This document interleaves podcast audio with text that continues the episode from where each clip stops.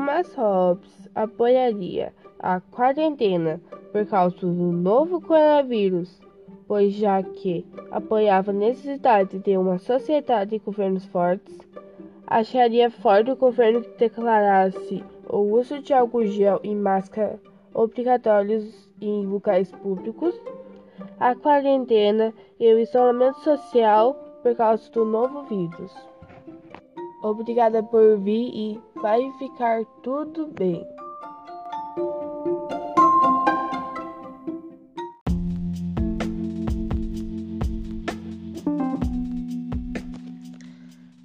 Classe e secta. São conhecidas 900 mil espécies de insetos, sendo que a classe secta é a mais diversificada do filo. Os insetos são os únicos animais invertebrados com capacidade de voo. Essa capacidade lhes garante alcançar alimentos com maior facilidade, além de lhes dar um grande poder de defesa e dispersão. Os insetos têm grande importância na cadeia alimentar, pois muitos pássaros, anfíbios e répteis e mamíferos e peixes se alimentam deles mas também pode trazer muitos prejuízos ao homem.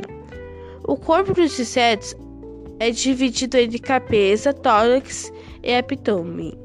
Eles possuem um par de antenas, três pares de patas e as asas podem ser ausentes. A respiração desses animais é tranqueal e a exceção é feita através de túbulos de Malchimbe. O sistema nervoso dos insetos é cancionar com o cordão nervoso ventral. Os insetos são animais dióxicos, sexos separados, com fecundação interna e desenvolvimento direto ou indireto. Exemplos: abelhas.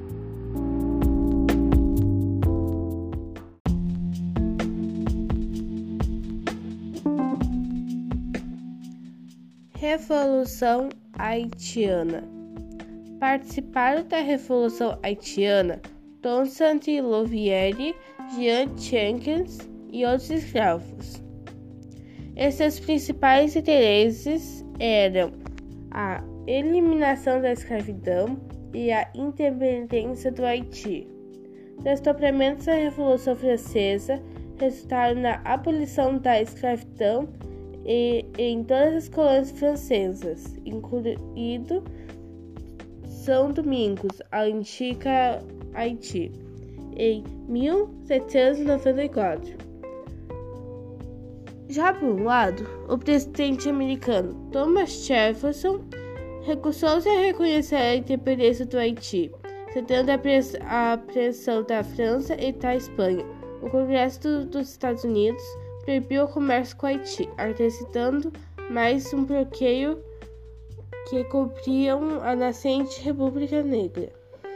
Sabendo disso, podemos afirmar que sim, a Revolução do Haiti pode ser considerada um exemplo de revolução, pois se gerou de um objetivo para uma independência.